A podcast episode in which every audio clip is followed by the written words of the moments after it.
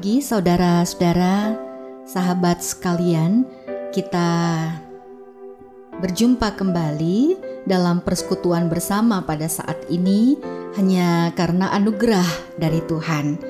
Puji syukur dan biarlah di dalam persekutuan bersama dengan Tuhan kita boleh bertumbuh dalam kebenaran firman, di dalam melakukan kehendak Allah Bapa kita.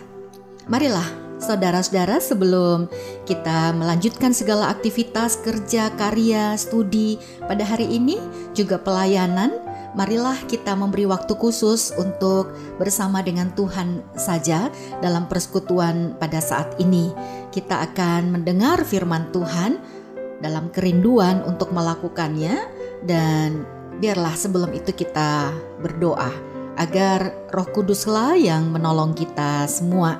Mari Bapak, Ibu, saudara-saudara, sahabat sekalian, kita berdoa.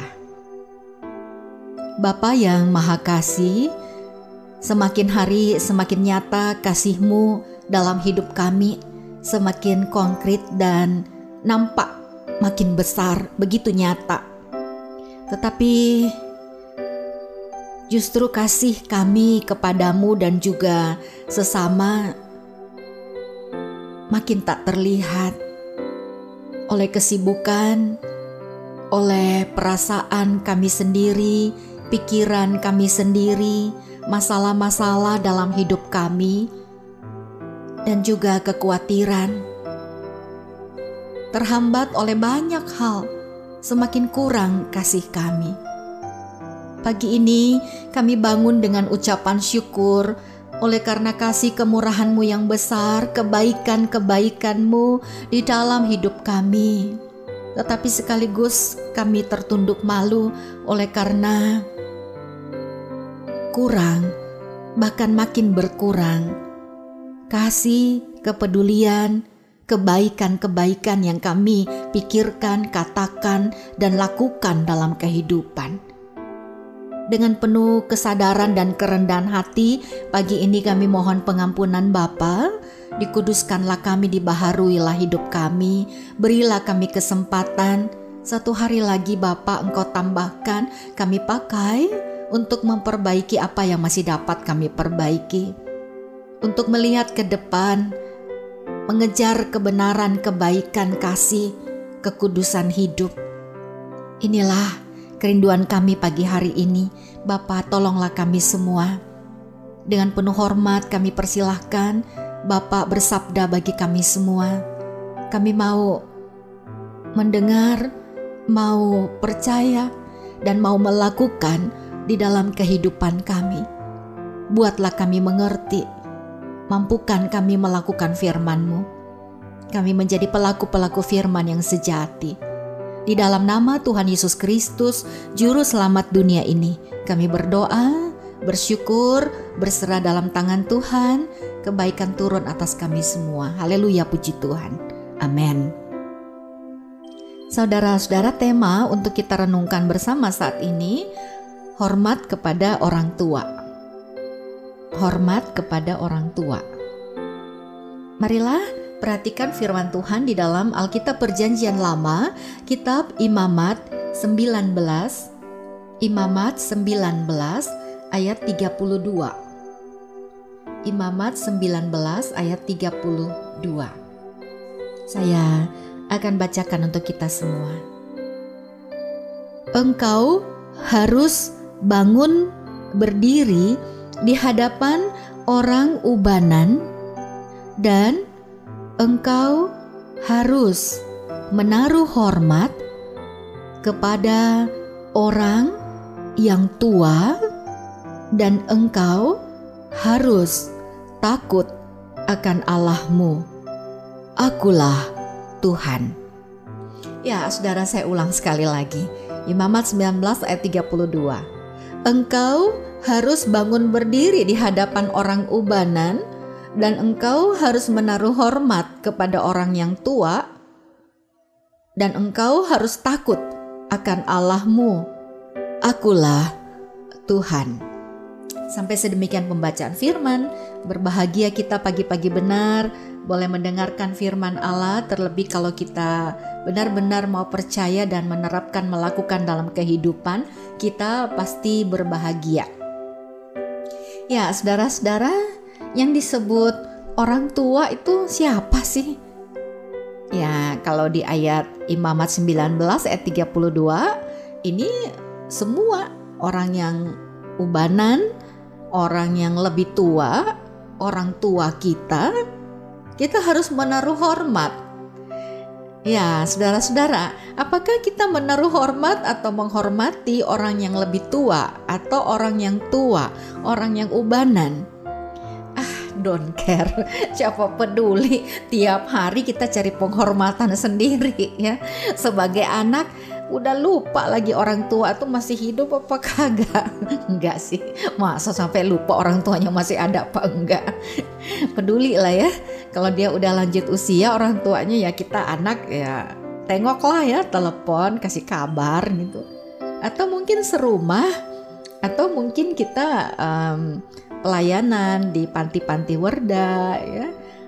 Ke, tiap hari jumpa dengan orang tua-tua. Gimana tuh ya orang-orang tua kita? Mereka dalam keadaan baik-baik aja. Nah, bagaimana kelakuan, sikap kita, uh, perkataan kita kepada mereka? Nah, Alkitab menginginkan, mengingatkan kita harus menaruh hormat. Lah kalau mereka menjengkelkan bagaimana? Kalau mereka tuh jahat gimana? Ada loh orang jahat loh. orang tua yang jahat. ya, ya, ya anyhow ya. Bagaimanapun um, terlepas dari semua itu ini kebenaran. Kita harus hormat kepada orang tua, nggak bisa ditawar. Kalau mertua gimana? Aduh, mertua, mertua banyak jahat. Jarang baik.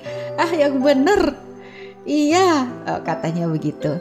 Anyhow, ya mertua Anda jahat atau baik. Ya jadilah mertua yang baik, orang tua yang baik, ya dong.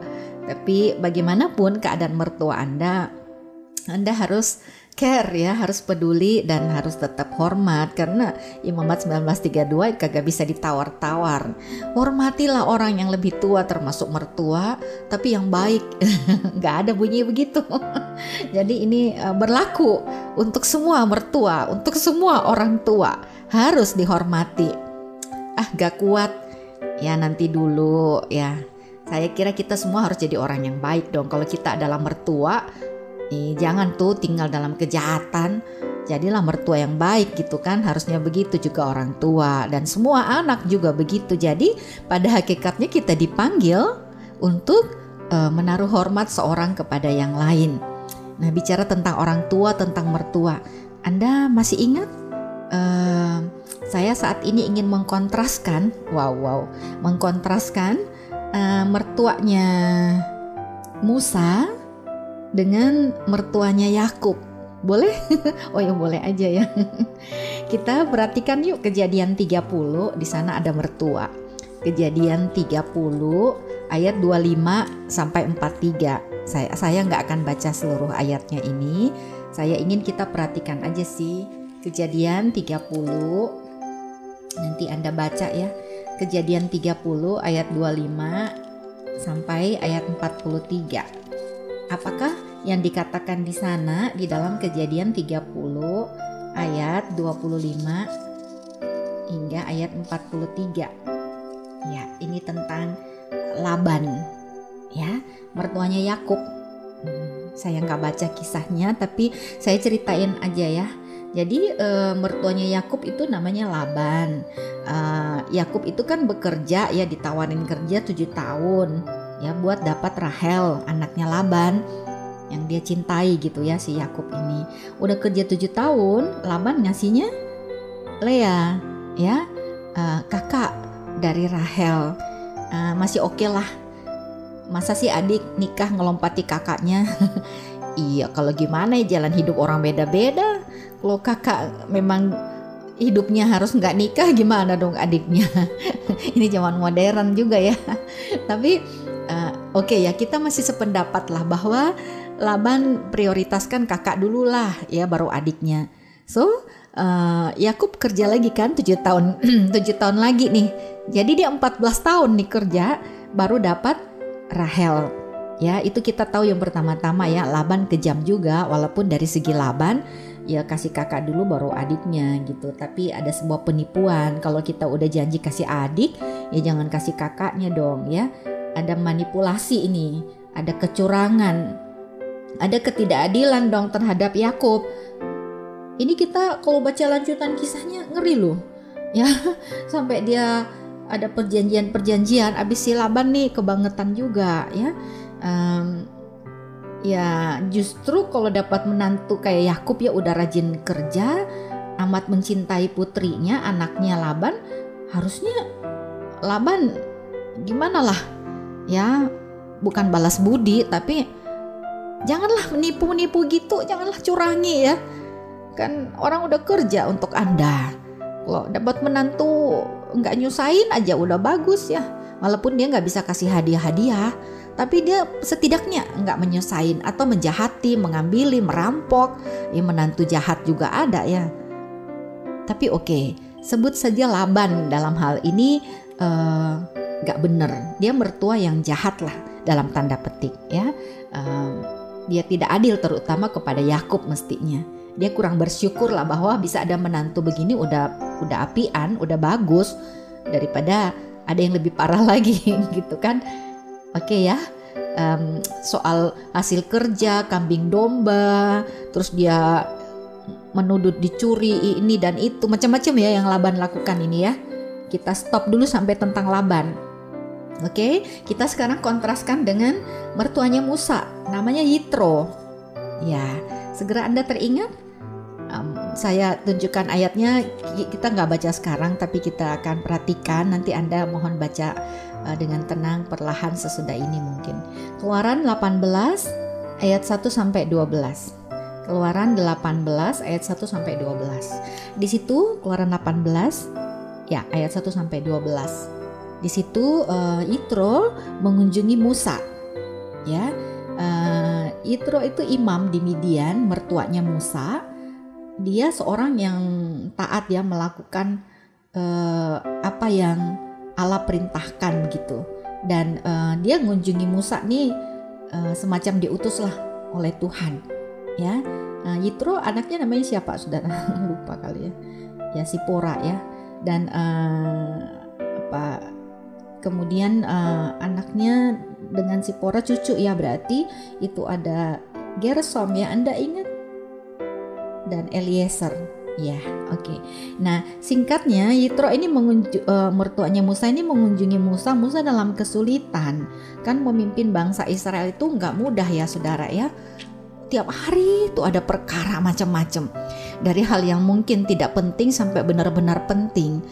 Si A ribut, si B ribut, si C nggak senang, si D begitu, si E nggak gampang ya jadi pemimpin ya, apalagi pemimpin rohani Bayangkanlah sebuah gereja atau sebuah jemaat yang jumlahnya begitu besar. Uh, kelelahanlah si pendeta ini ya, kalau ini secara gerejawi begitu. Uh, begitulah Musa dalam memimpin bangsa Israel, tapi mertuanya ini tergolong baik, baik dalam tanda petik juga supaya kita adil ya. Baiknya tuh begini loh, dia uh, datang nggak nambahin kesusahan Musa, tapi dia kasih ide yang bagus, ya. Dan uh, dia seorang yang taat Tuhan jadi dia bersuka cita karena Tuhan. Dia nggak menuntut banyak sekali. Harusnya dia gini Musa lu kok kagak tengok-tengok gue? Masak gue ini masakan gue yang datang tengok lo misalnya gitu ya. Tapi dia nggak ribut-ribut begitu. Musa nggak ada waktu. Jangankan kepada Yitro kepada bangsa Israel aja nggak kelar-kelar tuh masalah gereja nggak kelar-kelar ya. Nah, tapi dia pengertian. Ini mertua ya yang ngunjungi ya. Dan ngunjungi bukan minta beras nih bukan minta macam-macam ya. Tapi um, dia uh, apa ya datang bawa persembahan korban bakaran untuk Allah. Lalu dia bersama-sama dengan Harun Hur saudara-saudara Musa itu ya. Dan uh, ya mereka apalah rukun lah ya baik gitu. Dan Yitro ini uh, dalam kunjungan itu dicatat di dalam Quran 18 itu uh, duduk sama Musa dia ikut ya lihat Musa kerjaannya kayak gimana nih menantu ya. Dan dia lihatlah kalau Musa udah duduk mengadili bangsa-bangsa itu ya bangsa Israel maksudnya orang-orang uh, betapa itu melelahkan. Jadi dia bilang nih, apakah ini yang kau lakukan kepada bangsa itu? Dia bilang kepada menantunya ya Musa, mengapakah engkau seorang diri saja yang duduk, sedang seluruh bangsa itu berdiri di depanmu dari pagi sampai petang? Kata Musa kepada mertuanya, sebab bangsa ini datang kepadaku untuk menanyakan petunjuk Allah. Apabila ada perkara di antara mereka, maka mereka datang kepadaku, dan aku mengadili antara yang seorang dan yang lain. Lagi pula, aku memberitahukan kepada mereka ketetapan-ketetapan dan keputusan-keputusan Allah. Jadi, mertuanya Musa, Yitro, ini kasih nasihat yang baik. Dia bilang, "Tidak baik seperti yang kau lakukan itu. Engkau akan menjadi sangat lelah." Baik engkau maupun bangsa ini juga yang bersama dengan engkau. Ini terlalu berat bagimu gak sanggup engkau melakukannya seorang diri saja. Jadi sekarang uh, perkataanku ya dengarkan begini, aku akan memberikan nasihat kepadamu. Apa sih nasihatnya? Ini bukan nge ngejahatin gitu ya. Ini nasihat di hadapan Allah. Dia bilang gini, Engkau wakililah bangsa itu di hadapan Allah. Hadapkan perkara mereka kepada Allah. Harus engkau ajarkan mereka ketetapan juga. Jadi ini kayak komsel, angkat eh, kepala-kepala kelompok yang kamu ajar sehingga orang-orang itu bisa lebih cepat juga mendampingi ya. Mungkin kalau kasusnya sangat rumit ya baru kepada Musa begitu. Carilah dari seluruh bangsa itu orang-orang yang cakap, yang takut akan Allah. Orang-orang yang dapat dipercaya tapi dan yang uh, benci kepada pengejaran suap. Nggak nggak bisa disogok nih ya. Tempatkan mereka di antara bangsa itu jadi pemimpin. Seribu orang pemimpin seratus orang pemimpin lima puluh orang dan pemimpin sepuluh orang. Sewaktu-waktu mereka harus mengadili di antara bangsa. Jadi ada ketua-ketua kelompok begitu. Eh bagus kan idenya ya. Jadi dia ini bukan memperberat pekerjaan Musa tapi dia memperingan, dia membantu. Dia uh, si Yitro ini beda lah sama Laban ya. Kalau uh, Yitro ini apa ya datang kepada Musa uh, bawa anak istrinya Musa. Tapi kalau Laban itu gimana ya kepada Yakub? Nggak nggak adil lah mengejar Yakub menuduhnya mencuri. Yitro datang dengan memberi selamat pada Musa, menolong pekerjaan Musa menantunya, tapi kalau Laban ini menipu Yakub. Uh, apa Yakub harus lebih bekerja keras lagi gitu. Dan Yitro uh, beda sekali dia beri saran yang begitu berharga supaya menantu ini tidak kelelahan juga bangsa itu. Boleh saya sebut yang satu ini egois sekali, yang satu ini perhatian sekali kepada menantunya. Yang satu ini menghambat menantunya yang berhasil, yang satu gembira atas keberhasilan sang menantu. Nah, jika kita menjadi mertua, jadi orang tua, jadilah orang tua yang uh, baik ya, yang membimbing. Jika kita menjadi menantu, seperti apa pun mertua kita ya tetap kita hargai dan hormati mereka. Begitu sih dalam kehidupan ini terlepas dari orang itu tapi dari diri kita selalu ada penghormatan, selalu ada penghargaan, selalu menghargai orang yang lebih tua. Sebaliknya orang yang lebih tua, orang tua ataupun mertua ya selalu lah menghargai juga menantu dengan kerjaannya, disupport, setidaknya kita juga tidak menyusahkan mungkin tidak bisa memberi banyak tapi jangan ngambili lagi dong setidaknya juga kehadiran kita membawa damai sejahtera, membawa ucapan selamat, kebaikan-kebaikan, ya bukan bertengkar melulu, bukan menuduh, tapi mensupport dan merukunkan anak menantu cucu kan begitu ya. Dan um, kalau saja terjadi mertua Anda yang A atau yang tadi B terlepas dari itu Anda sebagai anak atau sebagai menantu uh, nggak boleh nggak hormat. Tetap aja hormati. Lalu gimana dong ya kita uh, percaya hukum itu ya tabur tuai ya. Apa yang kita tabur itu yang kita tuai. Pastikan yang kita tabur yang terbaik ya. Jangan nabur yang nggak baik. Buat apa? Akan menuai nggak baik. Loh kalau mertua atau orang tua saya itu saya eh, apa dia jahat saya menabur tetap yang baik tetap menghargai tetap menghormati. Iya dari Tuhanlah kita mendapat upahnya tetapi kita kan pelaku firman. Kita taat pada firman bukan karena kondisi orang tua atau mertua tapi karena firman itu benar, maka kita lakukan. Semoga kita termotivasi ya menjaga kerukunan hidup dan menjadi berkat juga kepada orang tua kita memulai yang baik ngalai ya atau mendahului untuk berbuat baik. Dan saya percaya kebaikan-kebaikan akan terjadi. Gak pernah terlambat gak pernah tertunda semua tepat pada waktunya. Dibanding kita keras kita balas kita jahat kita lah penjahatnya. Waduh ya mari kita mengubah diri kita masing-masing dan dengan firman yang kita dengarkan uh, itu membawa damai sejahtera dan memotivasi kita untuk uh, memulai selalu kebaikan, memulai hari dengan baik, sepanjang hari dengan baik, dan saya percaya dalam kehidupan rumah tangga, keluarga, semua juga akan menjadi lebih baik. Mari kita berdoa. Bapa, tolonglah kami agar kami ini mampu hidup dengan kebaikan-kebaikan, keadilan, kejujuran, rasa hormat dan menghargai siapa pun, juga terutama orang tua. Dengan begitulah kami hidup takut akan Engkau, ya Allah. Di atas dari semuanya kami benar-benar menghormati Engkau dengan menaati firman-Mu, apa pun firman itu. Semuanya kebenaran adanya dan itulah yang kami lakukan.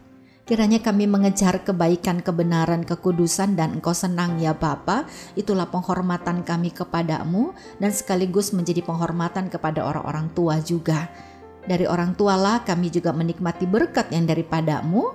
Dan siapa pun kami, apa pun keadaan kami, kami tidak bergantung, tetapi kami tetap mau menghormati, menghargai satu dengan lainnya, terutama kepada Engkau. Bapak, tolonglah kami, dan biarlah hari kami hari ini menjadi lebih indah, menjadi lebih baik, menjadi lebih penuh dengan kebaikan, kebahagiaan, karena kami berubah, bukan orang lain kami mulai dari diri kami melakukan kebaikan-kebaikan dan perubahan. Di dalam nama Tuhan Yesus Kristus, kami semua berdoa dan mengucap syukur. Amin.